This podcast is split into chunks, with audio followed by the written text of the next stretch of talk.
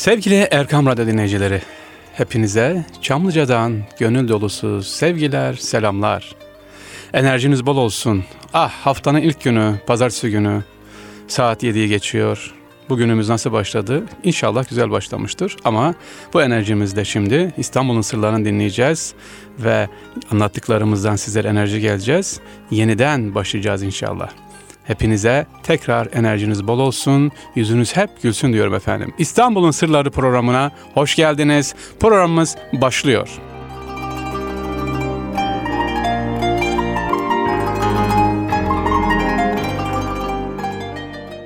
Bugün neler anlatacağız? Bugün farklı konulara gideceğiz, farklı yerlere gideceğiz yine inşallah. Efendim bugün sizi şöyle Beyoğlu'nun arka sokaklarına götürmek istiyorum. Orada bir ev var ve evin alt katında da mezar var. İlginç bir mezar bu. Şimdi Beyoğlu, Beyoğlu'na gidiyoruz. Orada bir ev var. E, şu anda burası müze tabii. İçeriye giriş e, girebiliyorsunuz serbest bir şekilde, gezebiliyorsunuz müze. Fakat bu müzedeki şahıs çok ilginç, yabancı. Polonyalı bir şair. Neden burada? Neden Beyoğlu'na gelmiş? İsterseniz ben onun önce şöyle bir sözünü aktarayım. Diyor ki o Polonyalı şair ve mezarı dediğim gibi buradadır. Aslında üç yerde mezarı var. Şimdi birazdan anlatacağım bu ilginç yerimizi.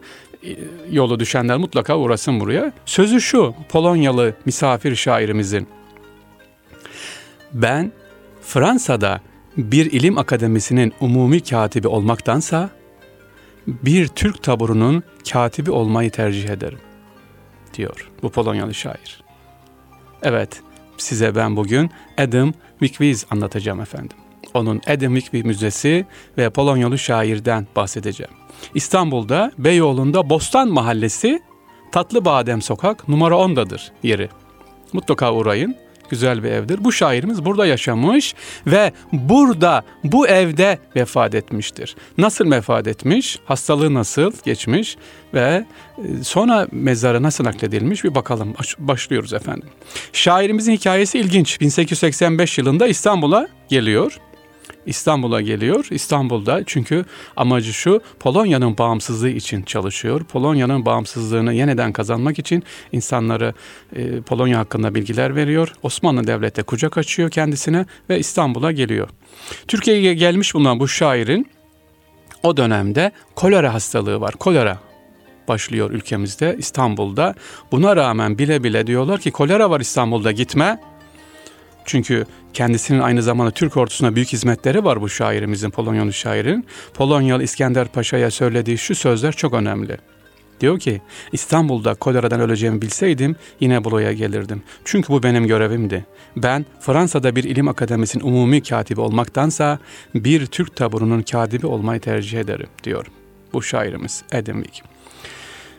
Kendisi buraya geliyor. Özellikle yazılarında belli başlı konuştuğu esir milletlerin ve bağımlı ülkelerin savunulması ve insanlık duyguları üzerinde çalışmalar yapıyor. Yani özgürlük üzerine, hürriyet üzerine çalışmalar yapıyor. Bu bizim misafirimiz kendisi.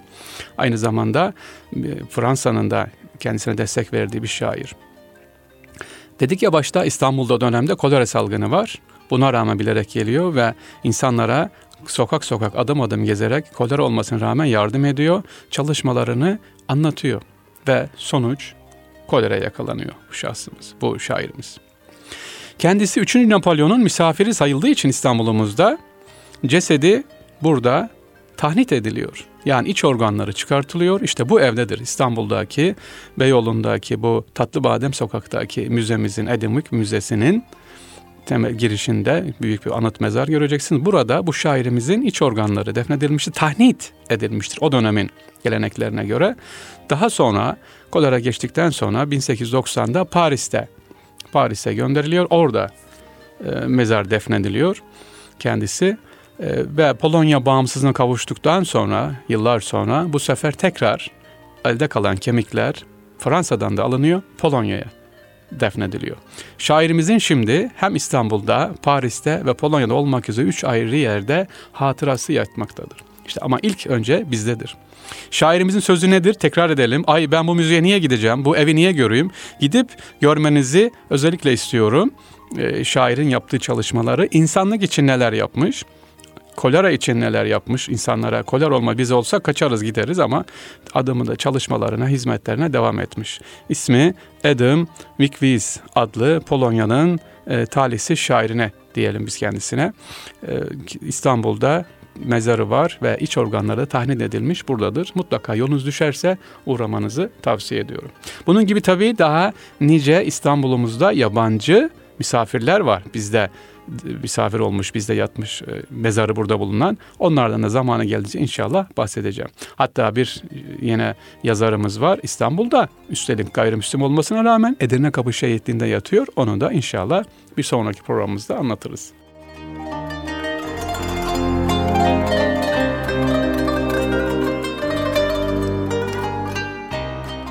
Evet devam ediyoruz değerli dostlar. Erkam Radyosu'ndayız.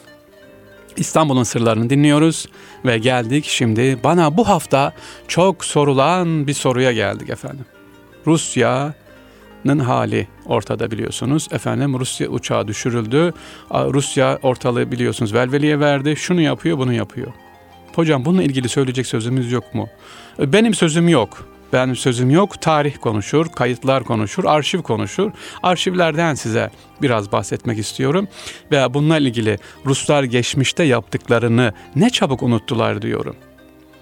Ve şu bilgiyi sizinle paylaşmak istiyorum. İstanbul'da Topkapı Sarayı'na girdiğiniz zaman Topkapı Sarayı'nda sizi bir anıt karşılar.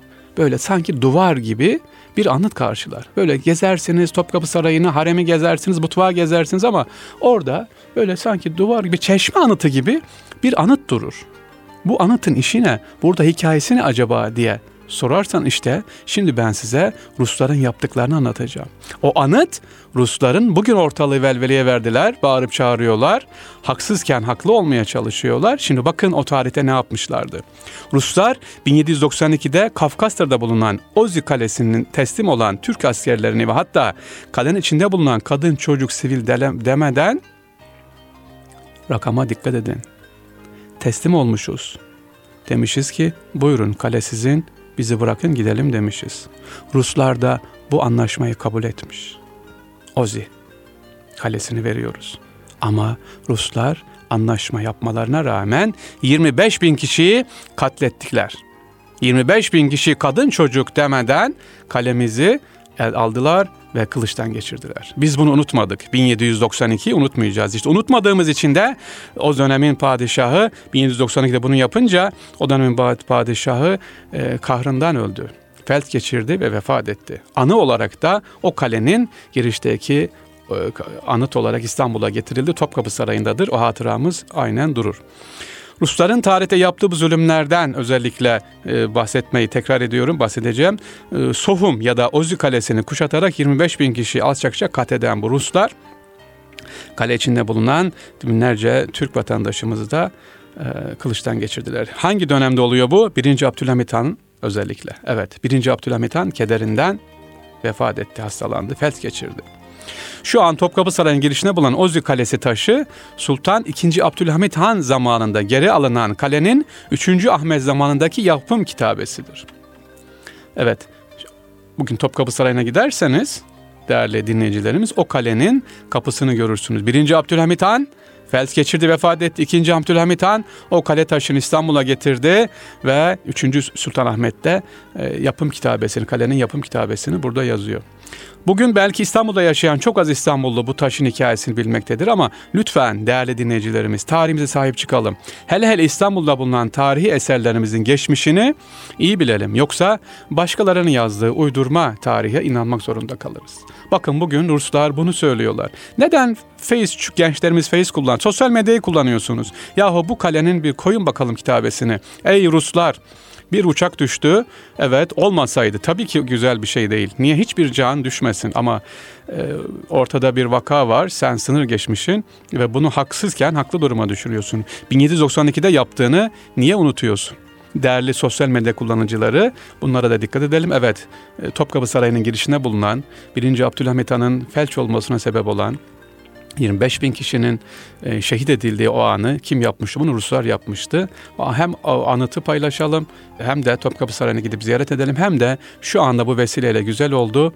25 bin kişinin şehitlerimizi e, rahmetle anıyoruz. Ruhları şahit olsun. Niye anlattım bunu? Özellikle e, 1792'de bu vakayı niye anlattım? Günümüzde şu anda çok sık dillendirilen ve adeta bizi cendereye sokmaya çalışılan bu olayda sütten çıkmış ak kaşık gibi davranan Rusya'ya karşı bir ders vermek, bir tarihe lütfen geri dönüp baksınlar.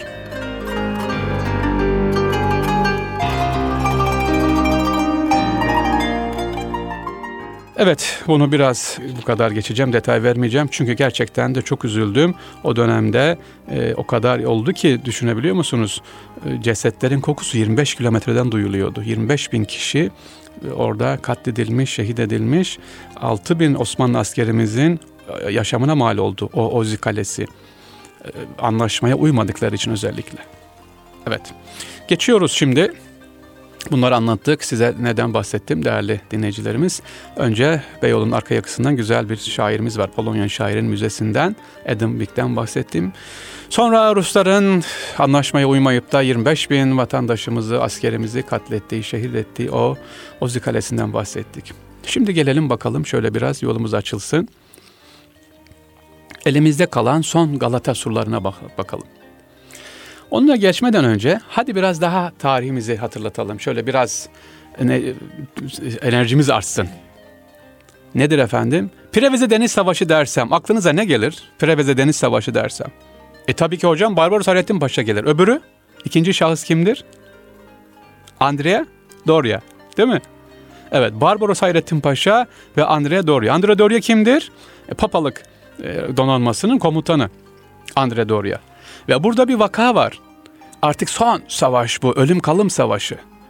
Preveze Deniz Savaşı çok önemli bir savaş. Barbaros Hayrettin Paşa o gece ekibini topluyor ve aynı dakikalarda Preveze önlerinde işte hazırlık yapacak, savaş başlayacak. Andrea Doria da hazırlık yapıyor. Diyor ki ben bugüne kadar Barbaros Hayrettin'le defalarca karşılaştım ve her seferinde şu şu taktikleri uyguladı. Şimdi şu taktiği uygulayacak. Tüm taktiklerini Barbaros Hayrettin Paşa'nın yaptıklarını komutanlarına anlatıyor. Ama yarın da diyoruz biz şu taktiği uygulayacağız diyor. Tabi Barbaros Hayrettin Paşa da o saate kurmaylarıyla toplantıda.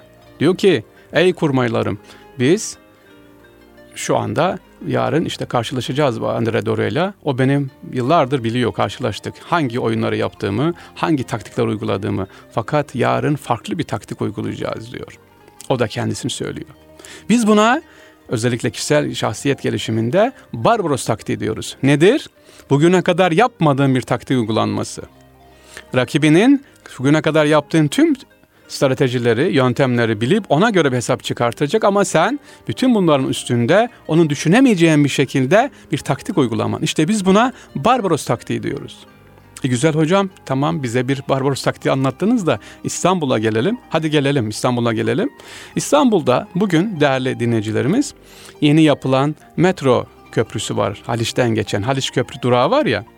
Evet yani Azap Kapı'dan giriyorsunuz Perşembe Pazarı'na doğru gideceksiniz. Arap Camii var biliyorsunuz. Yukarıya doğru Karaköy, Perşembe Pazarı. Evet orada evet orada son kalan Galata surları vardır elimizde. Yukarıya doğru baktığımız zaman yukarıda bir anıt görürsünüz. Böyle demir çerçevesine yazılmış olan bir anıt görürsünüz. Osmanlıca bir şeyler yazar. E, fakat ne oldu belli değildir. Sanki kapılarda dökülmüş durumdadır. Bu bizim elimize kalan son Galata surları anıtıdır. E, fakat bu anıtın özelliği nedir? Burada kim oturmuş? Kim var burada? Önce ondan bahset. Andrea Doria dedik ya. İşte Galata'da Andrea Doria'nın ailesi burada oturuyor, burada yetişmiş, burada yaşamış. Andrea, Prevede Deniz Savaşı'nın komutanı. Yani Prevede Deniz Savaşı'ndaki karşımıza çıkan şahıs kimmiş? Nereliymiş? İstanbulluymuş. Nerede oturmuş? Galata'da. Evet. O da İstanbullu. iki İstanbullu karşımıza çıkmış. Andre Doria İstanbul Galata'da ailesi de orada karşımıza çıkıyor. Tabi sonra zaman ne getiriyor nelere gidiyor gidiyor. Peki Galata yeri gelmişken söyleyelim Andre Doria aa İstanbulluymuş dedik. Barbaros taktiğini öğretti bize. Çünkü yani sonuç ne oldu? Barbaros Hayrettin Paşa'nın taktiklerini bildi de yendi mi? Hayır tabii ki Preveze Deniz Savaşı bizim Osmanlı'nın zaferiyle sonuçlandı. O da ayrı bir vaka hemen söylüyoruz. Neden? Çünkü farklı taktik geliştirdiği için Barbaros Hayrettin Paşa'mız. Allah rahmet etsin Barbaros Hayrettin Paşa paşamıza ve tüm askerlerimize. Galata'ya gelelim efendim. Galata surları çok kalındı. Galata surları, Andre Dore'den geçiyoruz Galata surlarına. Bugün elimizde bulunan bu azap kapının karşısında bulunan hatta altında da hamam vardır bir çeşme vardır. Üstünde de Haliç metrosunun geçtiği o köprü. Cenevizler döneminde yapılmıştır. 1204 Latin istilası üzerine Konstantinopolis'teki yerlerini Venediklere kaptırıyorlar ve 13. yüzyılda Karşıyaka'da Galata bölgesine geçiyor. Kimler? Cenevizler burada bulunuyorlar ve kendileri ayrı bir sur yapıyorlar ayrı bir, bir sur içinde sur. Düşünün karşı tarafta sur var. Ee, Karaköy tarafında, Galata tarafında da bir Galata Kulesi yapılıyor. Etrafında da sur, kalın bir surlar. Bu surlar çok kalın. Ee, bunlar da özellikle yapılan surlarda Bizanslar bu bölgeye hiçbir zaman geçemediler. Sular o kadar kalındı ki bakın ta 1453 yılına kadar Galata tarafına Bizanslar geçmemişlerdir. Bizansların e, geçmedi 1453'te Osmanlı ne yapıyor? Bu surları yıkıyor tekrar ikinci Fatih Sultan Mehmet Han'dan şımarık bir şekilde Galatalılar, Cenevizler haklar istiyorlar. Tekrar özgürlüğün yani devlet için devlet olmak istiyorlar. Fatih buna karşı çıkıyor ve oraya Osmanlı bayrağını dikiyor. Günümüzde ayakta kalan hocam elimize ne var gidip görebileceğimiz derseniz yanık kapı arkadaşlar, değerli e, İstanbul'u sevenler, dostlarımız. Azap Kapı Çeşmesi'nin karşısındaki şifa hamamının yanından girip yukarı doğru yürüdüğümüzde sağda yer alıyor yanık kapı. Galata surlarından geriye kalan tek kalıntıdır. Bu kapının bir ehemmiyeti de Doria yani Andre Doria ailesine ait olması ve kitabı hala duruyordur. E, kimdi tekrar edelim Andre Doria? Haçlı donanmasının komutanıydı. Onun da ailesinin yaşadığı yer burasıymış. Evet. Andre Doria'dan geçiyoruz şimdi. İstanbul'da güzellikleri, güzel çalışmaları var efendim. Çok tarihi güzel yerlerimiz var. Bunları anlatıyoruz İstanbul'un sırlarında. Bana sağ olsun teşekkür ediyorum. Sorular gönderiyorsunuz. Ama değerli dinleyicilerimiz burada fazla ansiklopedi bilgi vermiyorum. Detay vermiyorum ki merak edelim, görelim. Bana soruyorlar değerli dinleyicilerimiz. Hocam ne olur bir kitap. Kitap yazalım. Hayır. Siz bizzat dokunarak, giderek, görerek bakacaksınız ki İstanbul'umuzu öğrenelim. İstanbul bize emanettir. Bu emanete çıkacağız. Bir soruyu daha cevaplamak istiyorum. Hocam ben Nimel Ceyş olabilir miyim? Nimel ne, Ceyş neymiş acaba? Müjdelenmiş asker. Ne, hani ne demiş Resulullah Aleyhisselatü Vesselam? İstanbul fethedilecek, elbette fethedilecek. Onu fetheden komutan ne güzel komutan. Onun askerleri ne güzel asker. İşte fethedildi, Nimel Ceyş oldu. E bitti o zaman fethi gerçekleşti. Ben şimdi olabilir miyim? E tabii ki olabilirsiniz değerli radyo dinleyicilerim, değerli dostlar. Siz de İstanbul'un eserlerine sahip çıkarsanız, İstanbul'umuzu sahip kabullenirseniz, işte size nimelceysiniz. Bu hadis bir iznillah kıyamete kadar caridir, geçerlidir. İstanbul'umuzu sevelim, İstanbul'umuza sahip çıkalım. Tarihi eserleri değil, tüm eserlerine, taşına, toprağına sahip çıkalım ki İstanbul'da bizi sevsin.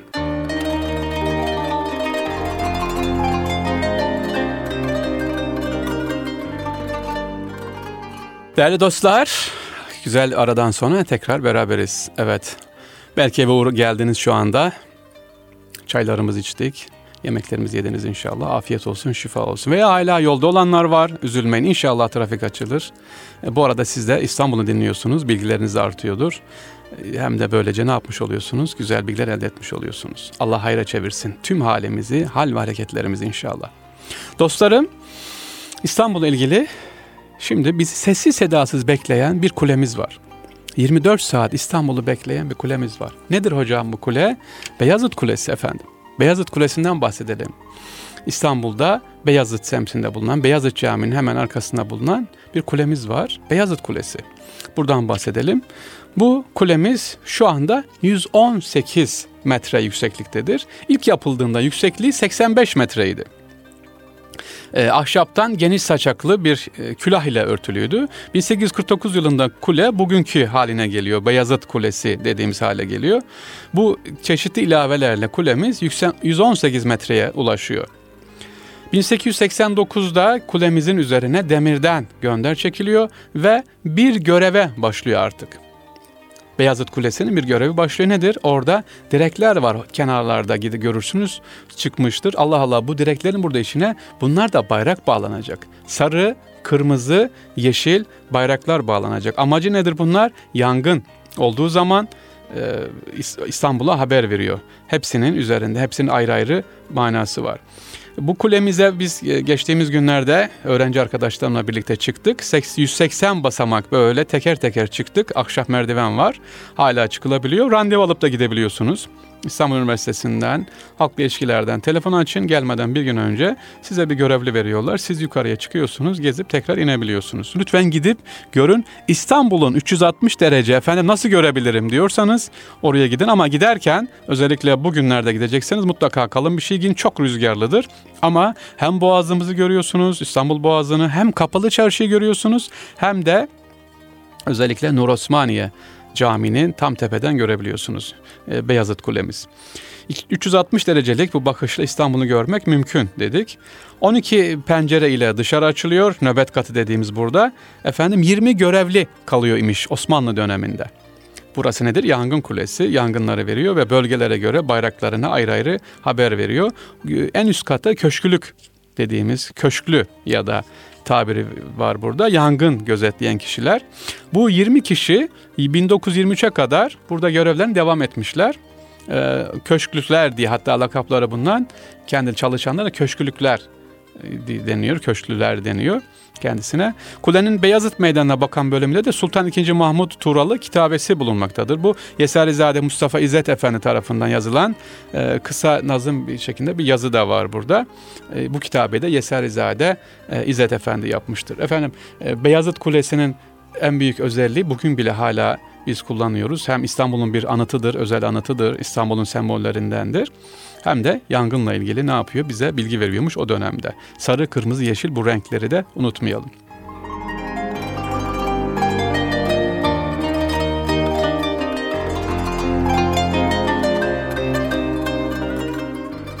Kule deyince aklıma geldi efendim ee, İstanbul'da özellikle bir başka kulemiz daha var. Topkapı Sarayı'nın girişindeki Adalet Kulesi.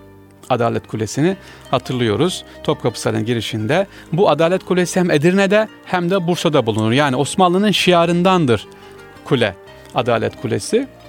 Ee, peki Adalet Kulesi'nin özelliği ne? 7-24 açıktır. Dört tarafı camdandır, çevrilmiştir, açıktır.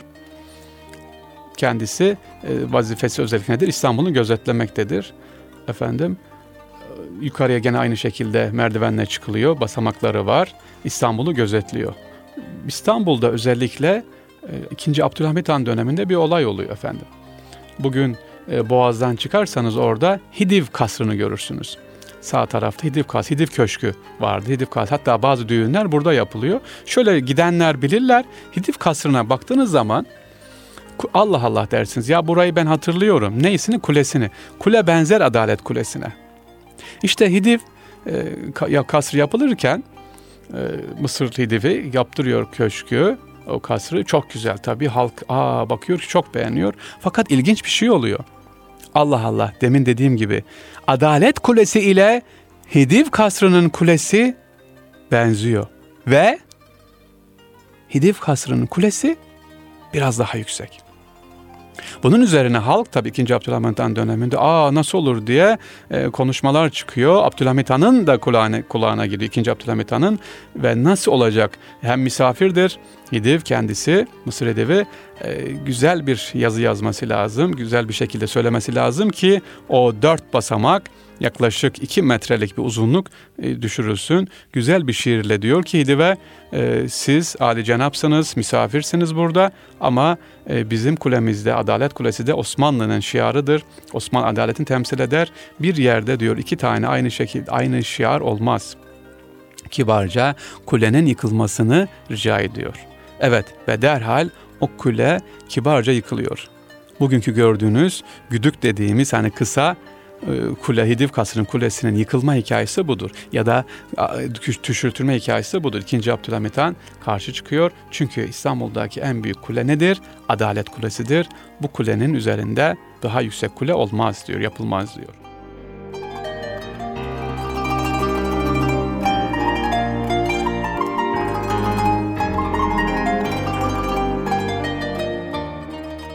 Kule deyince aklımıza ne geldi? Başka bir kulemiz ya da kalemiz var. Kız Kulesi değil mi? Üsküdar'da misafir olan Kız Kulesi. E, bu kulenin hikayesi nedir? Çok güzel farklı hikayeleri var. Size anlatmayacağım efendim. Mitolojideki hikaye anlatmayacağım. Ya da bazı hocalarımızdan dinlemişsinizdir işte efendim burada acaba Hızır Aleyhisselam'la Musa Aleyhisselam buluştu. Bunlara girmeyeceğim ben ama tarihte olan iki vakayı anlatarak Kız Kulesi'nin belki de bilmediğiniz iki özelliğini bahsedeceğim değerli Erkam Radyo dinleyicileri. Birinci özelliği nedir Kız Kulesi'nin? Orhan Gazi Bizans İmparatorunun kızıyla evlendiği zaman ikinci evliliğini yaptığı zaman kendisi Üsküdar'da kaldı. Biliyorsunuz el öpme adeti var. Babasını el öpmeye gidecek. Düğünden sonra e, bugünkü Ayasofya'nın olduğu yerde imparatorun sarayına göndermiyor eşini. Babasıyla görüşmesi bu Kız Kulesi'nde gerçekleşiyor. Orhan Gazi demek ki ikinci eşini imparatorun kızı e, görüşmesi nerede oluyor? Kız Kulesi'nde oluyor.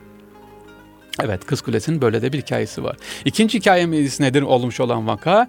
Biz bu Üsküdar'da Kız Kulesi'ni ne olarak kullandık? Özellikle e, değiş İstanbul'u yakıp kavuran kolera değişik hastalıklardan karantina merkezi olarak kullandık. Hasta olanlar, bulaşıcı hastalık olanlar buraya getiriliyordu. Burada İstanbul korunuyordu. Böyle de bir görevi vardı Kız Kulesi'nin. Şimdi tabii değişik e, turistik amaçlı için kullanılan İstanbul'umuzun sembolü ama e, Osmanlı döneminde Kız Kulesi hiçbir zaman atıl kalmamış, boş kalmamış, değişik amaçlarla da kullanılmış. Özellikle hiç anlatmayacağım, anlatmak içimden gelmiyor ama e, tabii bu da bir tarihi vaka. İstanbul'un işgali dönemlerinde de orası maalesef işgalciler tarafından hapishane olarak kullanılmış bir işkence merkezi olarak da kullanılmış. Onu da buradan şöyle üstü kapalı geçelim ki İstanbul'un işgali ayrı bir e, kanayan yaradır.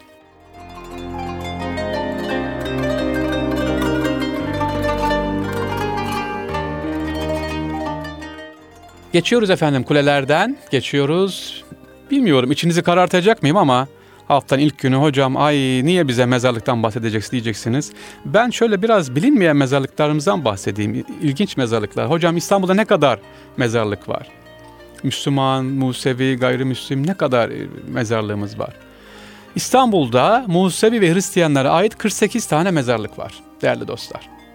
Ama İslam bize Müslümanlara ait olan mezarlıklarımız ise Edirne Kapı Mezarlığı değil mi? Hepinizin çok iyi bildiği. Bana soruyorlar gezilerde hocam dünyanın ben diyorum ki en büyük mezarlığı Edirne Kapı Şehitlidir. Edirne Kapı Mezarlığı'dır. Düşünün. İstanbul'un sırlarından çıktınız mı?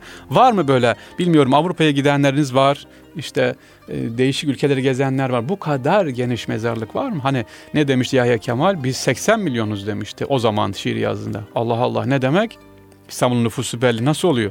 Efendim biz diyor ölülerimizle birlikte yaşarız. Evet onun için ölülerimizle birlikte yaşadığımız için mezarlarımız nerededir? Hazirelerdedir. Fatih Camii'ne bakın, Süleymaniye'ye bakın. İç içe yaşıyoruz. Yani hiç e, ahiretle dünya iç içe. Hep gözümüzün önünde. Edirne Kapı Mezarlığı Özellikle 1950 yıllarda açılan e, yeni yollarla biraz tahrip oldu ama bugün hala en büyük özelliğini sürdür. İlk defa buraya defin işlemi 2. Mehmet yani Fatih Mehmet Han tarafından şehit düşenler için yapılıyor ve daha sonra da özellikle 1. Dünya Savaşı, Çanakkale Savaşı'ndan gelen e, yaralıların ve şehitlerin defnedildiği yerler burası. Edirne Kapı Şehitliği'nde yine aynı şekilde Edirne Kapı Mezarlığı'nın hemen yanında Edirne Kapı Şehitliğimiz var. 1926 e, yılında bir anıt yapılıyor şehitlik anıtı da. E, bu da bugün gittiğimiz zaman görebiliriz. Eyüp Mezarlığı var. E, Eyüp Mezarlığı'nda padişahlar, sadrazamlar, şeyhülislamlar, vezirler, kumandanlar, hanım sultanlar, saray mensupları devam ediyor. Demek ki birinci büyük mezarlığımız Edirne Kapı, ikincisi Eyüp Mezarlığı'dır. Eyüp Mezarlığı'nda yapılan araştırmaya göre ilginç bir tarihi belge e, ortaya çıkıyor. Bunu burada özellikle altını çizeyim. Bir mezar taşı bulunuyor. E, Kırım'da Bahçesaray'da gömülü olduğu sanılıyor idi. Kimmiş? İkinci Gazi Giray'ın oğlu Devlet Han'ın mezar taşı Eyüp'te bulunuyor. Evet yıllar sonra araştırma yapılıyor ki aa Giray Han'ın oğlu Devlet Han'ın mezar taşı buradaymış. Ve bu tabi konunuyor. Eyüp mezarlığın ilginç bir bölümünde gümüş suyuna çıkan sırtlarda bir mezarlık vardır değerli dostlar. Cellat mezarlığı. Eyüp mezarlığı var. Bir de bugün Pierre Loti deniyor ama ben o ismi hiç kullanmak istemiyorum. Niye kullanmak istediğim, istemediğimi anlatacağım. Pierre Loti tepesinin olduğu yerde e, cellat mezarlığı vardır. Bu taşların özelliği nedir? Tek taştır, uzun taş. Üzerinde isim yazmaz. Ama bunlar da mezarlık da buradadır. Neden hocam cellat mezarlığı? Biraz anlatın isterseniz. Ya bugün biraz mezarlıktan bahsettik işte Ruslardan da bahsettik. Moralinizi bozmak istemiyorum ama hadi anlatalım kısaca. Değerli dostlar e, biliyorsun cellatlar da kamu görevi yapıyor. Diyor ki padişah arz ediyorlar. Biz de Eyüp Sultan'ı seviyoruz. Biz de onun e, feyzden istifade etmek istiyoruz. Biz sizin verdiğiniz görevi yapıyoruz. Dolayısıyla biz de Eyüp Sultan için bize bir yer verin diyorlar. Padişah da kabul görüyor onlara veriyor ama bir şartla e, arkasından lanet okunması isimleri belirtilmesin diye. Çünkü ölenle öldüren yan yana ya da ola infaz edenle infaz edilen yan yana duruyacak. Birbirine lanet okunmasın, isim belli olmasın diye e, cellat mezarlarının üzerinde isim yoktur. Fakat bu taşlar çok değerli taşlara sahip çıkamadık. Çünkü bunlar bir tapudur, tapu belgesidir cellat mezarlığı. Üzerlerine baktığımız zaman maalesef en son gittiğimde 2-3 tane kaldığını ancak gördüm. Bir tanesi de yere yatmıştı. İnşallah sahip çıkılır. Yani cellat mezarlığı da elimizden yavaş yavaş gidiyor. Tabi e, Eyüp Mezarlığı dedik, Cellat Mezarlığı dedik. Başka içerisinde Eyüp Mezarlığı içerisinde değerli Allah dostlarının var. Efendim mezarları var. E, gerek siyasi gerek askeri birçok efendim zatların mezarları da buradadır. Fevzi Çakmak burada mezarı, efendim Necip Fazıl'ın mezarı yine buradadır. Hepsine burada bulanlar ayrı ayrı Allah rahmet etsin diyoruz. Neden hocam dediniz? Biraz aklınıza takılır gibi oldu. Soracaksınız bana ama peki siz sormadan ben söyleyeyim. Niye Pierre değil hocam? Ah işte efendim burada aslında tekkemiz vardır. Kar yağdı tepesidir orası tek, kar yağdı tekkesi de vardır. Daha sonra biz bunu o dönemde belediye başkanımıza defalarca dile getirdik. Burasının adı esas e, gelsin kar yağdı olsun, kar yağdı tepesi, kar yağdı tekkesi diye düzeltelim, düzeltilsin diye ama şimdi öyle bu şekilde kaldı. E, çünkü orada tekke de var. Hala tepeye doğru çıktığınız zaman yürüyerek çıkanlar bilirler, görürler. Orayla maruftu. İsmi daha sonra değiştirildi.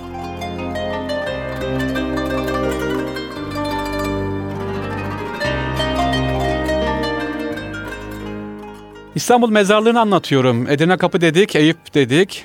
Peki Karacaahmet'i anlatmayalım mı? Karacaahmet Üsküdar tarihi kayıtlarına göre Orhan Gazi tarafından 1352'de fethedildikten sonra burası e, değerli dostlar yavaş oluşmaya başladı. İstanbul'un fethi ve sonrasında tamamen bir Müslüman kabristan oldu Karacaahmet. Anadolu ve Arabistan'ın İsla, e, İslami olarak ortak nokta olan Mekke ve Medine'nin Üsküdar ile olan toprak illiyeti Üsküdar'ın Medine-i Üsküdar ve peygamber toprağı Üsküdar olarak vasıflandırılmasına sebep oluyor. Ölen Türklerin peygamber toprağına gömülme vasiyetleri de Üsküdar'daki bu mezarlıkta revaç bulunuyor. Demek ki Karacaahmet'in bir özelliği varmış. Burası Medine toprağı, burası da Medine-i Üsküdar diye geçiyor. Mezarlığa adı vermiş olan Karacaahmet ise özellikle e, Allah dostu bir kişidir. E, Üsküdar'daki mekabiri Müslümini diye de geçerler. Karacaahmet Türbesi önünde geçen ve mezarlığı e, baştan başa kat eden güzergah Osmanlı'nın tören yolu ve ordunun sefer yoludur. Karacaahmet Mezarlığı.